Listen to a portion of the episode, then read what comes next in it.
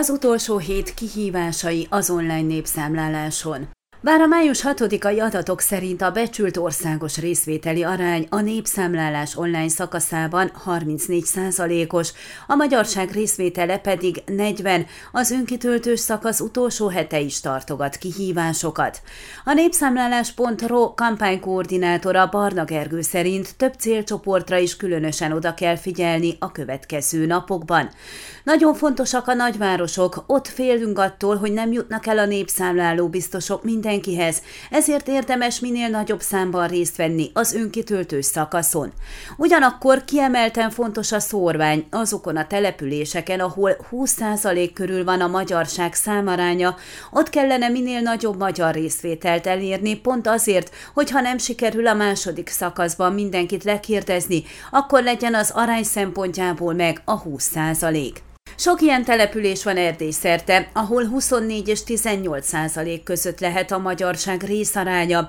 Ilyen például Nagyvárad is, amely jelentős szimbolikus település számunkra, fogalmazott a szociológus. Hozzátette, mindezek mellett azok kellene mindenképpen részt vegyenek az online szakaszban, akik nem a hivatalos lakcímükön laknak, mert őket a hivatalos címen fogják keresni a biztosok, ugyanis arról lesz nyilvántartásuk. Ugyanakkor az ideiglenesen külföldön tartózkodóknak is most van lehetőségük, hogy önállóan regisztráljanak online.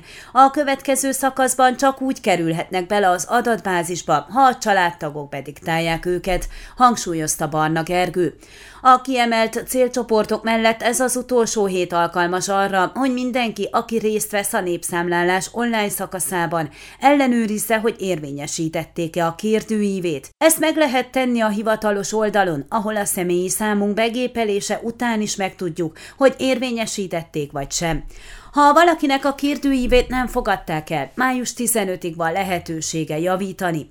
Ehhez újra kell regisztrálnia a teljes háztartást, Azonban csak azokat a személyi kérdőíveket kell újra töltenie, amelyeket nem fogadtak el. A hiba javítása azért is fontos, mert ha egy családban nem mindenkinek a kérdőívét validálják, nagy a veszélye annak, hogy ezeket a háztartásokat a népszámlálás második, hagyományos szakaszában már nem keresik fel, hiszen az adott cím benne lesz a rendszerükben, hívják fel a figyelmet a népszámlálás magyar kampányának szervezői, akik eddig elsősorban a népszámlálási kérdőív kitöltésére biztatták a romániai magyar lakosságot. Ahhoz azonban, hogy biztosak legyünk abban, hogy aki megválaszolta a kérdőívet, az tényleg meg van számolva.